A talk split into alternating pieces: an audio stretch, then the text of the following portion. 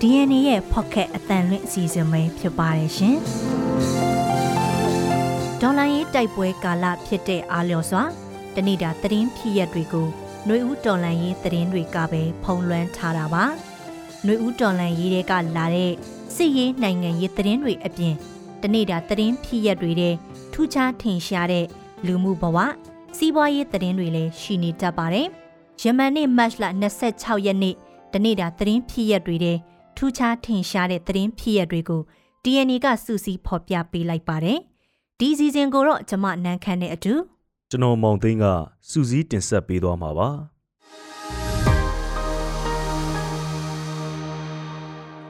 ပထမဦးဆုံးသတင်းတစ်ပုဒ်အနေနဲ့ဒေါအောင်ဆန်းစုကြည်နဲ့ရှေ့နေအဖွဲ့တွေ့ခွင့်၃ချိန်တောင်းခဲ့ပေမဲ့မရတဲ့သတင်းကိုတင်ဆက်ပေးပါမယ်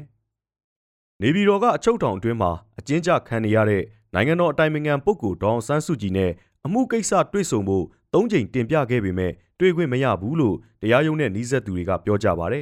။ဒေါအောင်ဆန်းစုကြည်ရဲ့အမှုကိစ္စနဲ့ပတ်သက်ပြီးအစင်းစင်အယူခံတက်နေတဲ့ကိစ္စတွေကိုဆွေးနွေးဖို့အတွက်နေပြည်တော်အချုပ်ထောင်ကိုစာနဲ့ရေးသားတင်ပြခဲ့ပေမဲ့တွေ့ဆုံဖို့ခွင့်မပြုခဲ့ဘူးလို့သိရပါဗျ။အသက်88နှစ်အရွယ်ဒေါအောင်ဆန်းစုကြည်ကို2021ခုနှစ်ဖေဖော်ဝါရီလ1ရက်အာဏာသိမ်းတဲ့အချိန်ကစလို့စစ်ကောင်စီကဖမ်းဆီးထားပြီးအမှုပေါင်း19မှုနဲ့တရားစွဲဆိုထားက ထောင်ဒဏ်33နှစ်ချမှတ်ထားပြီးဖြစ်ပါတယ်။ရွေးကောက်ပွဲဆိုင်ရာဥပဒေပုံမှန်130ကကြီးနိုင်ငံတော်လျှို့ဝှက်ချက်ဥပဒေ31ခငယ်စတဲ့ပုံမှန်တွေနဲ့တမရဦးဝင်းမြင့်နဲ့ပူးရဲဆွဲဆိုခံထားရတဲ့ရဟတ်ရင်ငှားရမ်းတဲ့ကိစ္စအမှု9မှုစုစုပေါင်း9မှုအတွက်ဒေါအောင်ဆန်းစုကြည်ရှေ့နေတွေကပြည်ထောင်စုတရားလွှတ်တော်ချုပ်မှာအထူးအယူခံတင်ထားတာပါ။အဲ့ဒီအထူးအယူခံကိုလာမယ့်ဧပြီလတတိယပတ်မှာနေပြည်တော်ကပြည်ထောင်စုတရားလွှတ်တော်ချုပ်မှာကြားနာဖို့အတွက်ရှေ့နေတွေကတွေးဆုံမှုလိုလားနေတာလည်းဖြစ်ပါတယ်။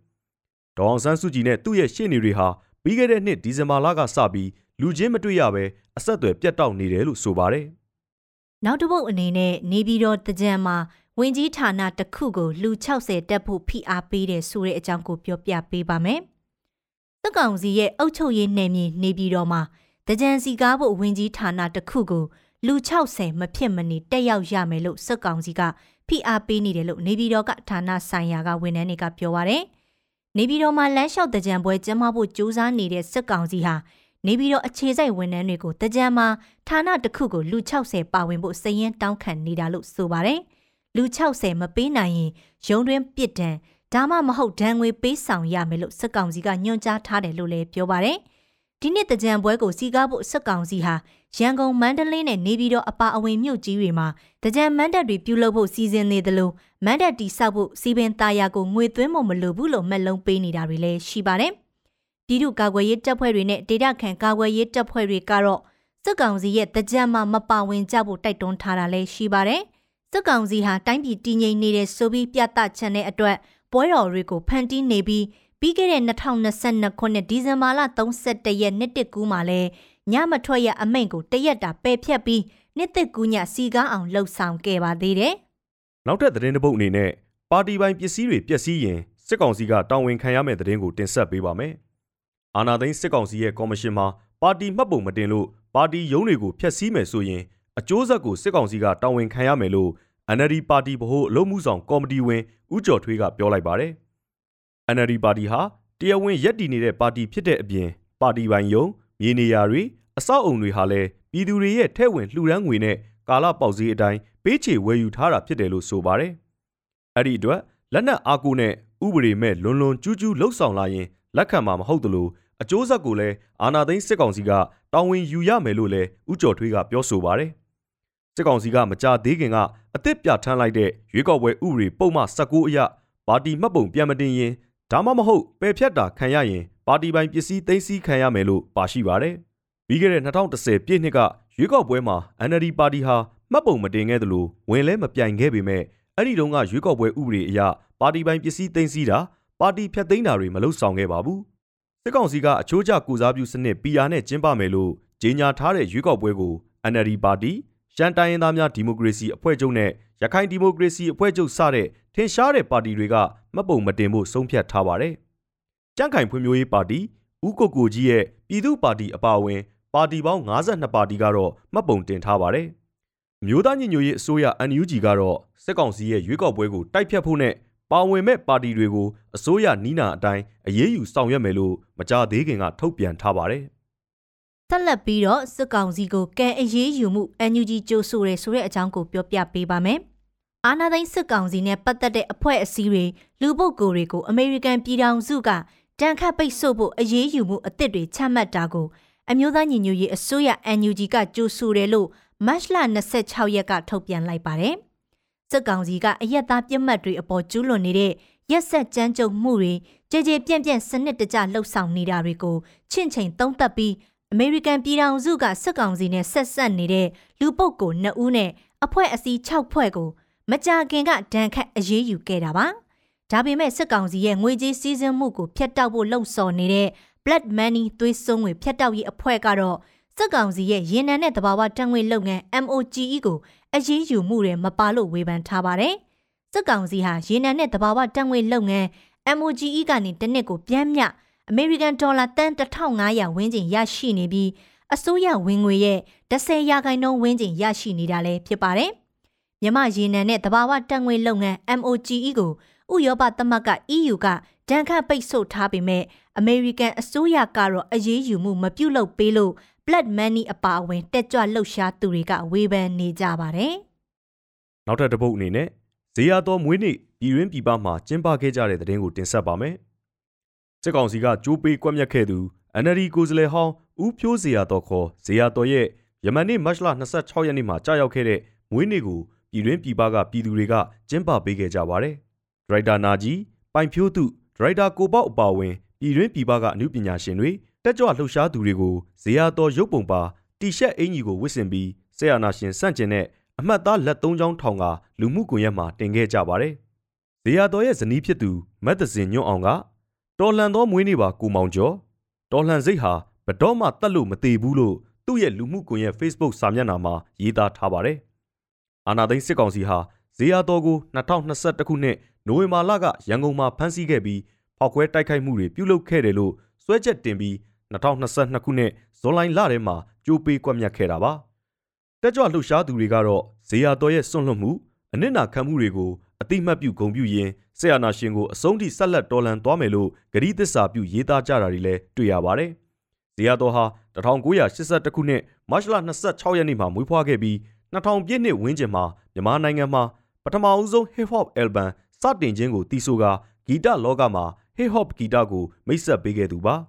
2009ခုနှစ်ရွှေဝါရောင်တော်လန်ရေးမှာစစ်အစိုးရစန့်ကျင်ရေး Generation Wave ကိုတက်ကြွလှုပ်ရှားသူတွေနဲ့ပူးတွဲတီထောင်ခဲ့ပြီး2012ခုနှစ်ကြားပြတ်ရွေးကောက်ပွဲမှာ NLD ပါတီကဝင်ပြိုင်အနိုင်ရခဲ့ပါတယ်2015ခုနှစ်ရွေးကောက်ပွဲမှာထပ်မံအနိုင်ရခဲ့ပေမဲ့2020ပြည့်နှစ်ရွေးကောက်ပွဲမှာတော့ပါဝင်ရှင်ပြိုင်တာမရှိခဲ့ပါဘူး ပူတလင်မှာစက်ကောင်စီမီးရှို့လို့ထွက်မပြေးနိုင်တဲ့တက်ကြီးရွယ်ဦးတွေတေဆုံးနေဆိုတဲ့အကြောင်းကိုဆက်လက်ပြောပြပေးပါမယ်။။သကိုင်းတိုင်းပုတလင်ခရိုင်စုံကုန်းကြီးရွာမှာစစ်ကောင်စီအင်အား90ဝန်းကျင်ကမတ်လ25ရက်မနက်ကကြီးရွာကိုမိရှုခဲ့တာကြောင့်ထွက်မပြေးနိုင်တဲ့တက်ကြီးရွယ်ဦးခုနှစ်ဦးသေဆုံးခဲ့တယ်လို့ဒေတာခန်တွေကပြောပါရယ်။အဲ့ဒီအထဲမှာမျက်စိကွယ်နေတဲ့တက်ကြီးရွယ်ဦးနှစ်ဦးအပါအဝင်လေဖြတ်နေသူတွေ ကျမ်းမာရေးချို့ယွင်းတဲ့တက်ကြီးရွယ်ဦးခုနှစ်ဦးမိလောင်သေဆုံးခဲ့တာပါ။စစ်ကောင်စီတပ်မ17ကစစ်ကြောင်းဟာကြီးရွာအတွင်းကဖုံးတော်ကြီးကြောင်အပါအဝင်နေအိမ်185လုံးကိုမိရှို့ခဲ့ပြီးခိုင်းနွား22ကောင်ပါမိလောင်တေဆုံးခဲ့တယ်လို့ဒေတာခန်တွေကပြောကြပါဗျ။စက်ကောင်စီတပ်တွေဝင်လာချိန်မှာဒေတာခန်တွေထွက်ပြေးတဲ့အတွက်စစ်ကြောင်းပြန်ထွက်ချိန်မိလောင်ပြင်ရှင်းမှသာအလောင်းတွေကိုတွေ့ရတာဖြစ်ပြီးကျွင်းကြံတဲ့ရုပ်အလောင်းတွေကိုတကြိုလိုက်တယ်လို့သိရပါတယ်။ စစ်ကောင်စီစစ်ကြောင်းတွေဟာကြီးရွာတွေကိုမိရှို့တဲ့အတွက်ထွက်မပြေးနိုင်လို့တေဆုံးခဲ့တဲ့တက်ကြီးရွယ်ဦးဖြစ်စဉ်တွေမကြာခဏဖြစ်ပွားနေတာပါ။စစ်ကောင်စီကြောင့်တနိုင်ငံလုံးမှာပါသားရေးအဆောက်အုံတွေအပါအဝင်အင်ဂျီပေါင်း6000ကျော်မိရှို့ခံထားရပြီးစကိုင်းတိုင်းက49,988အိမ်ပါဝင်သလိုစကိုင်းတိုင်းရဲ့လူဦးရေ15ရာခိုင်နှုန်းဖြစ်တဲ့လူပေါင်း8သိန်းနီးပါးဟာလည်းစစ်ရှောင်နေရပါတယ်။အာနာသိမ့်မှုကိုပြင်းပြင်းထန်ထန်ဆန့်ကျင်နေတဲ့စကိုင်းတိုင်းကို စစ်ကောင်စီကပြင်းပြင်းထန်ထန်လေကြောင်းကတာမကလက်နက်ကြီးနဲ့ပစ်ခတ်တာမိရှို့တာတွေလှုပ်ဆောင်နေတာပါ။တနိုင်ငံလုံးမှာစစ်အုပ်ချုပ်ရေးကြီးညာထားတဲ့မြို့48မြို့နယ်ရှိပြီးစကိုင်းတိုင်းကတော့14မြို့နယ်အထိပါဝင်တာပါနောက်ဆုံးသတင်းတစ်ပုဒ်အနေနဲ့စစ်ကောင်စီရဲ့လေပူပေါင်းလို့အမည်ပေးထားတဲ့လေကြောင်းစစ်စင်ရေးအကြောင်းကိုပြောပြပေးပါမယ်အာနာသိန်းစစ်ကောင်စီရဲ့လေပူပေါင်းလို့အမည်ပေးထားတဲ့လေကြောင်းစစ်စင်ရေးတရက်ကိုပြုလုပ်ပြီးပြည်သူ့ကာကွယ်ရေးတပ်ဖွဲ့တွေ ဒိုင်းရင်သားလက်နက်ကင်တပ်ဖွဲ့တွေကိုထိုးစစ်ဆင်တိုက်ခိုက်ဖို့စီစဉ်နေတယ်လို့သိရပါတယ်။အဲ့ဒီစစ်စင်ရေးအတွက်မတ်လ23ရက်နေ့ကစပြီးနေပြည်တော်ရန်ကုန်တောင်ကူမိထ္ထီလာမကွေးစတဲ့လေတပ်စကန်ဌာနချုပ်တွေအပါအဝင် လေတပ်တပ်ဆွယ်တွေကတိုက်ခိုက်ရေးလေရင်မှုတွေကိုအသင့်အနေထားနေဖို့ညွှန်ကြားထားတယ်လို့ဆိုပါတယ်။တိုက်လေရင်မှုတွေကိုစခန်းသွင်းသလိုတနေရာထဲမှာစုထားပြီးစစ်စင်ရေးကိုမတ်လ28ရက်တက်မတော်နေ့မနက်2နာရီမှာ သတ်မှတ်ထားတယ်လို့လည်းလေတပ်နဲ့နှီးစပ်တဲ့တပ်တွင်းသတင်းရင်းမြစ်တွေကပြောပါတယ်။အဓိကစီရေးပြစ်မှတ်တွေကစကိုင်းတိုင်းနဲ့ချင်းပြည်နယ်လို့သိရပြီးတိုက်လေရင်မှုတွေကိုတော့ဘာအချက်လက်မှပေးမထားဘဲစစ်စင်ရေးထွက်ခါနီးမှဘယ်နေရာကိုတိုက်ခိုက်ရမယ်ဆိုတာကိုပြောကြားထားတယ်လို့သိရပါတယ်။ပြီးခဲ့တဲ့2022ခုနှစ်မတ်လ28ရက်မှာလဲစစ်ကောင်စီဟာနေပြည်တော်မှာတက်မတော်နေ့ကျင်းပနေသလိုတစ်ဖက်မှာလဲကရင်ပြည်နယ်ဖာပုံခရိုင်ကအထက်တန်းကျောင်းဝင်းဟောင်းနဲ့ထီလေးကွီးရွာကို လေကြောင်းကတိုက်ခိုက်ခဲ့လို့ပျက်စီးမှုရှိခဲ့ပါတယ်။ဒါအပြင်2021ခုနှစ်မတ်လ28ရက်မှာလဲမြို့ပေါင်း180လောက်မှာဆေးရနာရှင်စန့်ကျင်ဆန္ဒပြခဲ့ပြီး83မြို့နယ်မှာစစ်ကောင်စီကအကြမ်းဖက်ဖြိုခွင်းလို့အရက်သား114ဦးသေဆုံးက299ဦးဒဏ်ရာရတယ်လို့ Data for မြန်မာကထုတ်ပြန်ထားပါတယ်။တနိုင်ငံလုံးအနှံ့လက်နက်ကင်စန့်ကျင်မှုကြုံတွေ့နေရတဲ့စစ်ကောင်စီဟာလေကြောင်းကတိုက်ခိုက်တာလက်နက်ကြီးနဲ့ခြေမုံမှုစ조사တာတွေကို ပိုပြီးအားကိုးအားထားပြုလာနေတာလည်းဖြစ်ပါတယ်။အခုနိုင်ငံတကာသတင်းအစီအစဉ်ကိုကိုမောင်သိန်းကဆက်လက်တင်ဆက်ပေးပါမယ်တရုတ်သမ္မတရှီကျင်းဖင်ရဲ့ရုရှားခီးစဉ်ဟာတကမ္ဘာလုံးရဲ့စိတ်ဝင်စားစောင့်ကြည့်မှုတွေအောက်မှာပြီးဆုံးသွားခဲ့ပါပြီ။နှစ်နိုင်ငံကြားပူးပေါင်းဆောင်ရွက်မှုဆိုင်ရာသဘောတူညီချက်အသစ်တွေကိုကြေညာခဲ့ပေမဲ့ အမေရိကန်နဲ့အနောက်မဟာမိတ်နိုင်ငံတွေစိုးရိမ်တယ်လို့မျိုးတရုတ်ကရုရှားအတွက်စစ်လက်နက်တွေပံ့ပိုးမယ်ဆိုတဲ့ကိစ္စမျိုးကိုတော့ရှီရဲ့ခီးစဉ်မှာတရားဝင်သဘောတူခဲ့တာမျိုးမရှိပါဘူး။ဒါပေမဲ့လည်းဒုတိယကမ္ဘာစစ်နောက်ပိုင်းဥရောပတိုက်ရဲ့အကြီးမားဆုံးစစ်မီးတောက်လောင်နေတဲ့အချိန်အဲ့ဒီစစ်ပွဲကိုအစပြိုးတဲ့နိုင်ငံစီတရုတ်သမ္မတတွားရောက်ခဲ့တယ်ဆိုတာကဒီမိုကရေစီကိုလိုလားထိမ့်သိမ့်တဲ့အနောက်ကဘာအတွက်အချက်ပေးခေါင်းလောင်းတန်တစ်ခုတော့ဖြစ်လာပါတယ်။ရှီယောပူတင်မှာ လွတ်တော်ဒီမိုကရေစီအတူရောင်ဒီမိုကရေစီစနစ်အရေးခြုံထားတဲ့ကမ္ဘာဩဇာအကြီးမားဆုံးအာဏာရှင်နှစ်ဦးဆိုတာလူတိုင်းသိနေပြီးသားကိစ္စပါ။အထူးသဖြင့်ပြီးခဲ့တဲ့နှစ်ပိုင်းတွေမှာသူတို့နှစ်ယောက်စလုံးဟာသမရသက်တမ်းကန့်သက်ချက်အခြေခံဥပဒေတွေကိုပါချဲ့လေပြောင်းလဲပြီးအာနာရှင်လမ်းကြောင်းကိုပိုပြီးပီပီပြင်းပြင်းဖောက်လုပ်ပြခဲ့ပါတယ်။တရုတ်နဲ့ရုရှားတို့ဟာအရင်ကတည်းကအခြေခံနိုင်ငံရေးမူဝါဒအရနှီးစပ်မှုတွေရှိခဲ့တဲ့ဆိုပေမဲ့လည်းအမေရိကန်စန့်ကျင်ရေးသဘောထားကိုကင်ဆွဲရင်း ရှီနဲ့ပူတင်တို့ကြားဆက်ဆံရေးကနက်နက်ရှိုင်းရှိုင်းအမြင့်တွေ့လာတာကတော့တီးခြားအခြေအနေတစ်ခုလို့ဆိုနိုင်ပါတယ်။အချုပ်ချာအာဏာပိုင်နိုင်ငံတစ်ခုဖြစ်တဲ့ယူကရိန်းကိုဗျောင်ကျကျကျူးကျော်ခဲ့တာကြောင့်အနောက်နိုင်ငံတွေရဲ့ပြင်းပြင်းထန်ထန်ဒဏ်ခတ်အရေးယူပိတ်ဆို့မှုတွေကိုခံနေရသလိုနိုင်ငံတကာအတိုင်းဝိုင်းမှာပွဲမတိုးတဲ့ဗီလိန်ကြီးဖြစ်နေသူပူတင်ကိုမော်စကိုထိတွားရောက်တွေ့ဆုံဖို့ဆိုတာဟာရှီအတွက်တော့အရင်းနှီးအတော်ကြီးတဲ့အလောင်းစားတစ်ခုဆိုရင်မမှားပါဘူး။ဒါပေမဲ့အဆုံးမှာတော့သူဟာ မော်စကိုထိတကယ်ပဲရောက်သွားခဲ့ပါတယ်။ကမ္ဘာချင်ဘက်ဘဝမှာဟန်ကိုဖို့ပြီးမန်တင်းရတဲ့အဆင့်ရောက်နေတဲ့ပူတင်ဟာရှီကိုဝမ်းသာအဲလဲကြိုဆိုခဲ့ပါတယ်။ပြီးတော့နှစ်နိုင်ငံခေါင်းဆောင်တွေကအချင်းချင်းအရင်နှီးဆုံးမိတ်ဆွေကောင်းတွေအဖြစ်အပြန်အလှန်ညွှန်းဆိုခဲ့ကြပါတယ်။ပူတင်ဟာကရင်မလင်နန်းတော်ထဲမှာရှီကိုကော်စောနီခင်းပြီးကြိုဆိုခဲ့တယ်လို့အလွန်အင်မတန်အရေးပေးဆက်ဆံခဲ့တယ်ဆိုတာသိတာပါတယ်။သူ့အတွက်အကြက်တဲပေါင်းစုံကြုံနေတဲ့ကာလမှာအရေးတယူလာရောက်လေပတ်တဲ့ ကမ္ဘာအင်အားကြီးနိုင်ငံခေါင်းဆောင်ကိုပူတင်ကအစွမ်းကုန်မထားတာကတိတ်တော့မဆန်းပါဘူး။ဒီနေရာမှာရှီရဲ့ပါနတ်မှုကိုလည်းအတိမတ်ပြုရမှာဖြစ်ပြီးပူတင်နဲ့တွေ့ဆုံချိန်မှာယူကရိန်းစစ်ပွဲရပ်ဆိုင်းရေးအတွက်တရုတ်ရဲ့အဆိုပြုချက်တွေကိုပါထည့်သွင်းဆွေးနွေးပြခဲ့ပါတယ်။ရှီရဲ့မော်စကိုခီးစဉ်ဟာနိုင်ငံတကာအတိုင်းဝိုင်းမှာတင်းကွဲပြီးအထီးကျန်နေတဲ့ပူတင်ကိုတန်တမန်ရေးရာထွက်ပေါက်တစ်ခုဖန်တီးပေးခဲ့တာဖြစ်တယ်လို့အမေရိကန်ကဆွဆွဲနေပေမဲ့ရှီကတော့ငြိမ်းချမ်းရေးပွဲစားရောင်ရောင်နဲ့ မော်စကိုသွားခဲ့တယ်လို့လို့ပုံဖော်ခဲ့တဲ့သဘောပါပဲ။ရှီနဲ့ပူတင်တို့ဟာနိုင်ငံပူးပေါင်းဆောင်ရွက်ရေးဆိုင်ရာသဘောတူညီချက်အသစ်တွေကိုအသီးသီးကြေညာခဲ့ပေမဲ့စစ်ရေးနဲ့ကာကွယ်ရေးဆိုင်ရာသဘောတူညီမှုတွေတော့အထင်ရှားပါဝင်မနေဘူးလို့လေ့လာသူတွေကပြောပါတယ်။ဒါပေမဲ့နောက်ွယ်မှာဘလို့ဂရီးကဝတ်တွေရှိနေအောင်မလဲဆိုတာကိုတော့ခံမှန်းဖို့မလွယ်ပါဘူး။တရုတ်ကဂျားဝင်စိစက်ပေးတဲ့ငြိမ်းချမ်းရေးအစီအမံ၁၂ချက်ဆိုတာကလည်းအောင်မြင်နိုင်စရာအလားအလာမရှိတဲ့ အဆိုပြုချက်တသက်တွေသာဖြစ်တယ်လို့အမေရိကန်ကဆွဆွဲထားပါတယ်။ထင်ရှားမြင်သာတာတစ်ခုကတရုတ်ရဲ့အဆိုပြုချက်တွေထဲမှာယူကရိန်းကိုကျူးကျော်နေတဲ့ရုရှားတပ်တွေရုပ်သိမ်းပေးရမယ်ဆိုတာမပါပါဘူးယူကရိန်းအစိုးရကရုရှားတပ်တွေအားလုံးနိုင်ငံထဲကပြန်ထွက်မသွားမချင်းငြိမ်းချမ်းရေးဆွေးနွေးဖို့မဖြစ်နိုင်ဘူးလို့အကြိမ်ကြိမ်ပြောထားပြီးသားပါ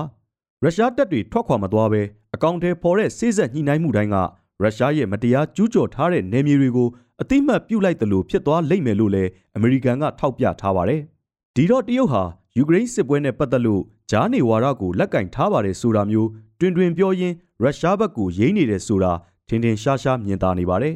။ဒါအပြင်ရှီကိုတိုင်ကပါပူတင်အတွက်တန်တမန်ရေးနိုင်ငံရေးဆိုင်ရာကြီးကြီးမားမားအထောက်ပံ့ဖြစ်စေမဲ့ခီးစဉ်မျိုးကိုရှေ့ဆောင်လမ်းပြဖန်တီးပြခဲ့ပြန်ပါတယ်။ရှီရဲ့ခီးစဉ်အပြီးမှာတော့ချန်စီယိုခွထိုင်တယ်လို့လို့ရုရှားဘက်ရိမ့်ပေမဲ့ ပေါ်ပေါ်တင်တင်မထောက်ခံရဲတယ်လို့လို့ဖြစ်ခဲ့တဲ့တခြားနိုင်ငံတွေရဲ့ခေါင်းဆောင်တွေကပါမော်စကိုထိအရှိုအရှိုထက်ရောက်လာမယ်ဆိုရင်လည်းမထူးဆန်းတော့ပါဘူးတကယ်တော့စစ်ပွဲကိုအကြောင်းပြုပြီးအနောက်နိုင်ငံတွေကပူတင်ကိုကျုံသွင်းပိတ်ပင်ထားတဲ့မမြင်နိုင်တဲ့တတိုင်းတစ်ခုကိုရှီကဖြိုခွင်းပြီးလမ်းရှင်းပေးလိုက်တာနဲ့တူနေပါတယ်ဒါအပြင်အပြည်ပြည်ဆိုင်ရာရာဇဝတ်ခုံရုံး ICC ကယူကရိန်းစစ်ပွဲမှာရာဇဝတ်မှုတွေကျူးလွန်နေဆိုတဲ့ဆွဆွဲချက်နဲ့ပူတင်ကိုဖမ်းဝရမ်းထုတ်လိုက်ပြီးရပ်ပိုင်းအတွင်းရှီက ပူတင်နဲ့တွားတွေ့တယ်ဆိုတဲ့အချက်ကိုလည်းမမေ့သင့်ပါဘူး ICC ရဲ့ဖမ်းဝရမ်းကြေညာချက်ဟာပူတင်ကိုဂုံတိတ်ခါပိုင်းထိုးနှက်ချက်တစ်ခုဖြစ်ခဲ့ပေမဲ့တရုတ်လိုအင်အားကြီးနိုင်ငံတစ်ခုကတော့အဲ့ဒီဖန်ဝရန်ကိုခေါင်းထဲမထည့်ဘူးဆိုတာမျိုးရှီကစကားတခွန်းမှမပြောဘဲကြေညာပြသွားတဲ့သဘောပါပဲတကယ်တော့ယူကရိန်းစစ်ပွဲကာလတစ်လျှောက်မှာတရုတ်ဟာရုရှားနဲ့အနောက်နိုင်ငံတွေကြားကအားပြိုင်မှုမှာတည်တည်တာတာဝင်မပါဘဲလက်ရှောင်နေခဲ့ပါတယ်အဲ့ဒီမတင်မကျအခြေအနေကနေ အခုတော့တရုတ်ဟာရုရှားဘက်ကဝင်ရက်ဖို့တာဆူနေပြီလို့ရှီရဲ့ခီးစဉ်ကအနောက်နိုင်ငံတွေစီတတိပေးလိုက်တယ်လို့ပါပဲယူကရိန်းကိုကျူးကျော်စေခဲ့တဲ့ပူတင်ရဲ့ဆုံးဖြတ်ချက်ဟာမတမာမှန်မမျှတမှန်တကဘာလုံးသိတယ်လို့ရှီလဲသိထားပါတယ်ဒါပေမဲ့အခုတော့သူဟာပူတင်ကိုပေါ်ပေါ်ထင်ထင်လက်ကမ်းလိုက်ပါပြီပူတင်အတွက်ထွက်ပေါက်တွေစတင်ဖန်တီးပေးခဲ့ပါပြီနောက်တစ်ဆင့်အနေနဲ့စစ်ပွဲထဲမှာရုရှားတရုတ်ဆက်နွယ်မှုဟာဘလောက်ထိနက်နဲလာမလဲဆိုတာက ယူကရိန်းအတွက်ရောအနောက်နိုင်ငံတွေအတွက်ပါစိုးရိမ်စရာဖြစ်ပါတယ်ဘာလင်တတိုင်းကြီးပြိုကျပြီးတဲ့နောက်ဥရောပမှာဒီမိုကရေစီကပုံမပြန့်နှံ့အားကောင်းလာပြီးအာဏာရှင်စနစ်ပေါ်အနိုင်ရလာခဲ့ပါတယ်။အခုတော့ဒီအာသာချက်ကိုစိန်ခေါ်မဲ့စစ်မှတ်လိုလားမှုအနိုင်အထက်ပြုတ်ကျင့်လိုမှုတွေကိုလက်ကင်ပြုတ်ထားတဲ့ပူတင်ရဲ့ကျူးကျော်စစ်ပွဲကိုမြောက်ဝါတင်တင်တွေ့မြင်လာရပါပြီ။ဒါအပြင်သူတော်ချင်းချင်းသတင်းလွှဲလွှဲပေါင်းဖက်တွေ့ပြီးဒီမတရားမှုမှာရှီကလည်း အားပေးအားမြောက်လုပ်မဲ့အလားအလာတွေရှိလာပါပြီ။ကဘာပေါ်မှာအင်အားအကြီးဆုံးအာဏာရှင်နှစ်ဦးကြားကပုံမိုစည်းလုံးလာတဲ့ဆက်ဆံရေးဟာတာမန်ငြိမ်းချမ်းနေတဲ့အခြေအနေမှာတော့စိုးရိမ်ရပါတယ်။အခုလိုပြိပခကာလမှာရှီနဲ့ပူတင်ကြားကလူသိရှင်ကြားယင်းနှီးကြောင်းဝင်မှုဟာဒီမိုကရေစီဘက်တော်သားတိုင်းအတွက်နိုးနိုးကြားကြားအာယုံစိုက်ထားရမယ့်အပြောင်းလဲတစ်ခုလို့ယူဆရမှာအမှန်ပါပဲ။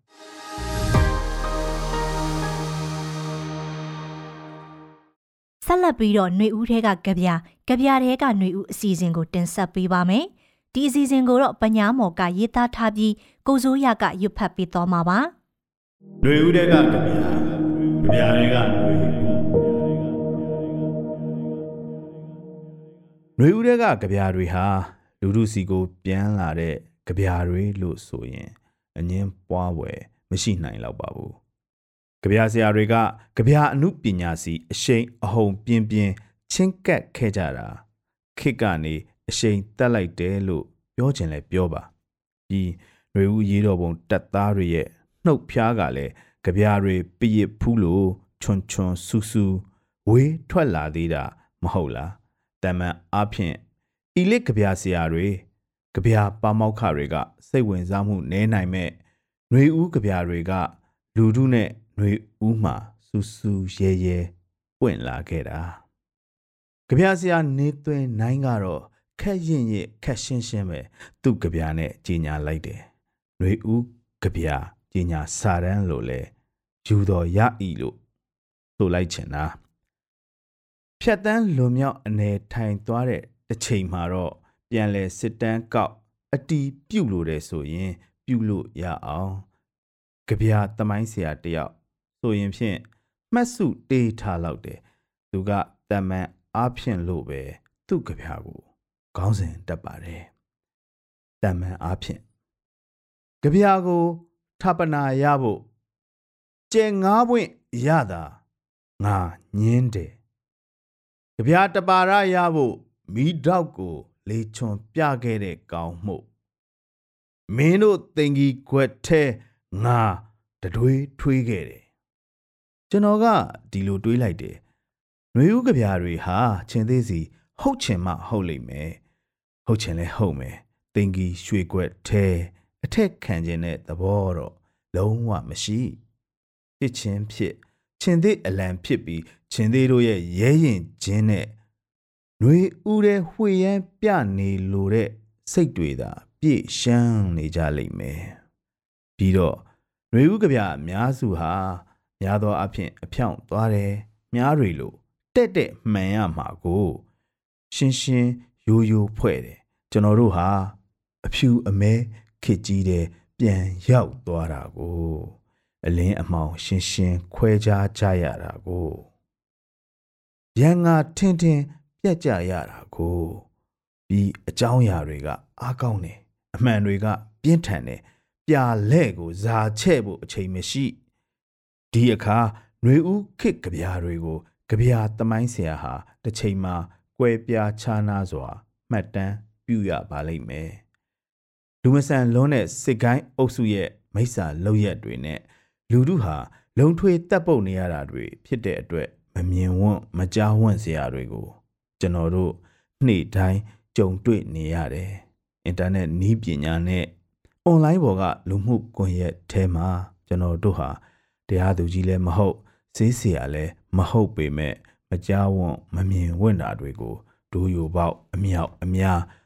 ကျွန်တော်တို့ရဲ့လက်ကင်ဖုံးမှန်ပြင်ပေါ်ကိုနေ့စဉ်ရောက်နေတယ်မမြင်ဝန့်မကြားဝန့်စရာတယ်မဟုတ်မြင်ရပံများလို့ထုံသွားဟုံသွားလောက်ပေမဲ့ကြပြာအဖြစ်ဖွဲ့လိုက်တဲ့အခါမကြားရဲ့မဖက်ရက်တာတွေလည်းကြုံရနိုင်ပါတယ်ဒီနေရာမှာလဲ နေ့စဉ်နဲ့အမျှနိုင်ငံသားတွေတေချေနေကြရတဲ့အခြေအနေမှာဂုံတိတ်ခါရှိတဲ့တေခြင်းနဲ့ဂုံတိတ်ခါမဲ့တဲ့တေခြင်းတွေကို ကျွန်တော်တို့မှာတန်ဝေကယူเสียကွက်ကွဲပြပြတွေ့မြင်ခွင့်လဲရကြပေရဲ့ဟုတ်ကဲ့ပါကျင်ငါးပွင့်အရသာကိုညင်းပြီးရိုးရိုးစင်စင်အရသာထာပနာထားတဲ့ຫນွေဦးကြပြတပုတ်ကို ကျွန်တော်တို့ နားထောင်ကြရအောင်ပါရရလက်နဲ့ကင်ဆွဲပြီးကို့အသက်အိုးအိမ်စီစိန်ကိုမှ အသက်ပေးကာကွယ်မခုခံဘူးဆိုရင် မရနိုင်တော့တဲ့ကျေးလက်တော်လန်ရေးသမားတူရဲ့ဇာပနကအမိတ်ပြန်တန်းအကြောင်းပေါ့။ရွေဦးကြပြဆရာက ရေးဖွဲ့ဆရာရှိတာကို ရေးဖွဲ့ခဲ့ပြီးတဲ့နောက် မကြားရဲ့မဖက်ရဲ့ပေမဲ့လဲຫນွေဦးမှာဒီလို ရင်နာကြေကွဲဆရာတွေကိုလည်းကြုံတွေ့ဖြတ်တန်းကြရမှာမလွဲပါ။ရင်းစားပြန်မရနိုင်တော့တဲ့ဒီလိုအဖြစ်မျိုးတွေကြုံကြဖြတ်တန်းကြရပြီးတဲ့နောက်တော့ကျွန်တော်တို့လိုရာပန်းတိုင်ရောက်သည့်အထိမဆုတ်မနစ်ဆက်သွားကြဖို့ဂတိစကားအပြန်အလှန်ထားကြပါစို့ခမညာ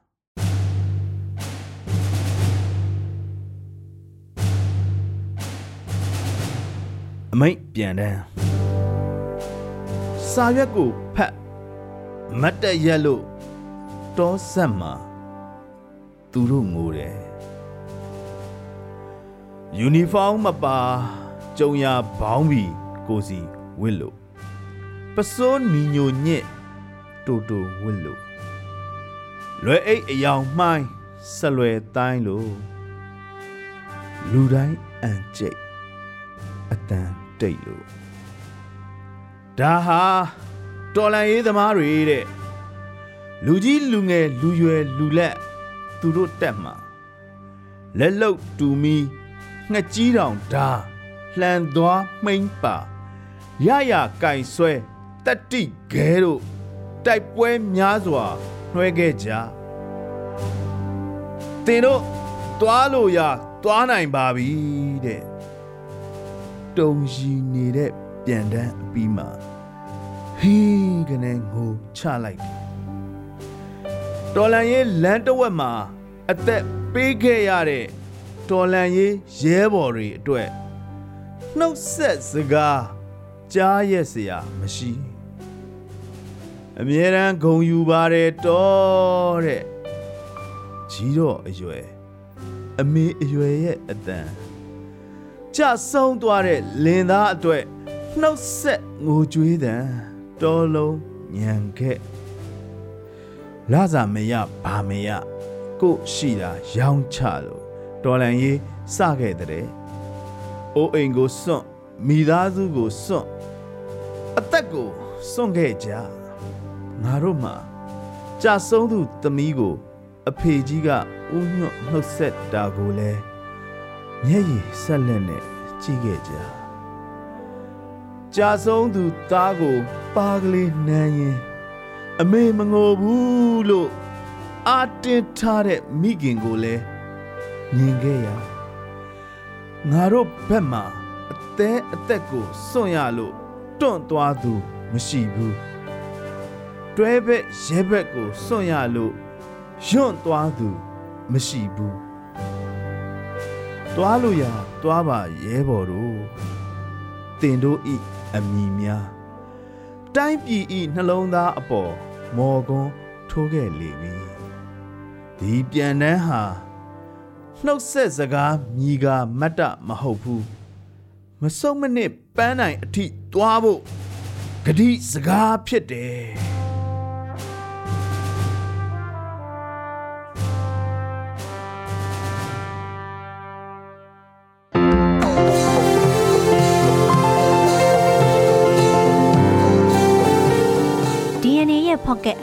စီအစဉ်ကိုအပတ်စဉ်တနင်္လာနေ့ကနေတောက်ကြနေ့အထိမနက်9:00နာရီတိုင်းမှာတင်ဆက်ပေးသွားမှာဖြစ်ပါတယ်။ဒီအစီအစဉ်ကိုတော့ DNA ရဲ့ Facebook Page ကနေအပြင် Anchor, Spotify နဲ့ Google Pocket တို့တွေကနေတဆင့်လဲနားဆင်နိုင်ပါတယ်ရှင်။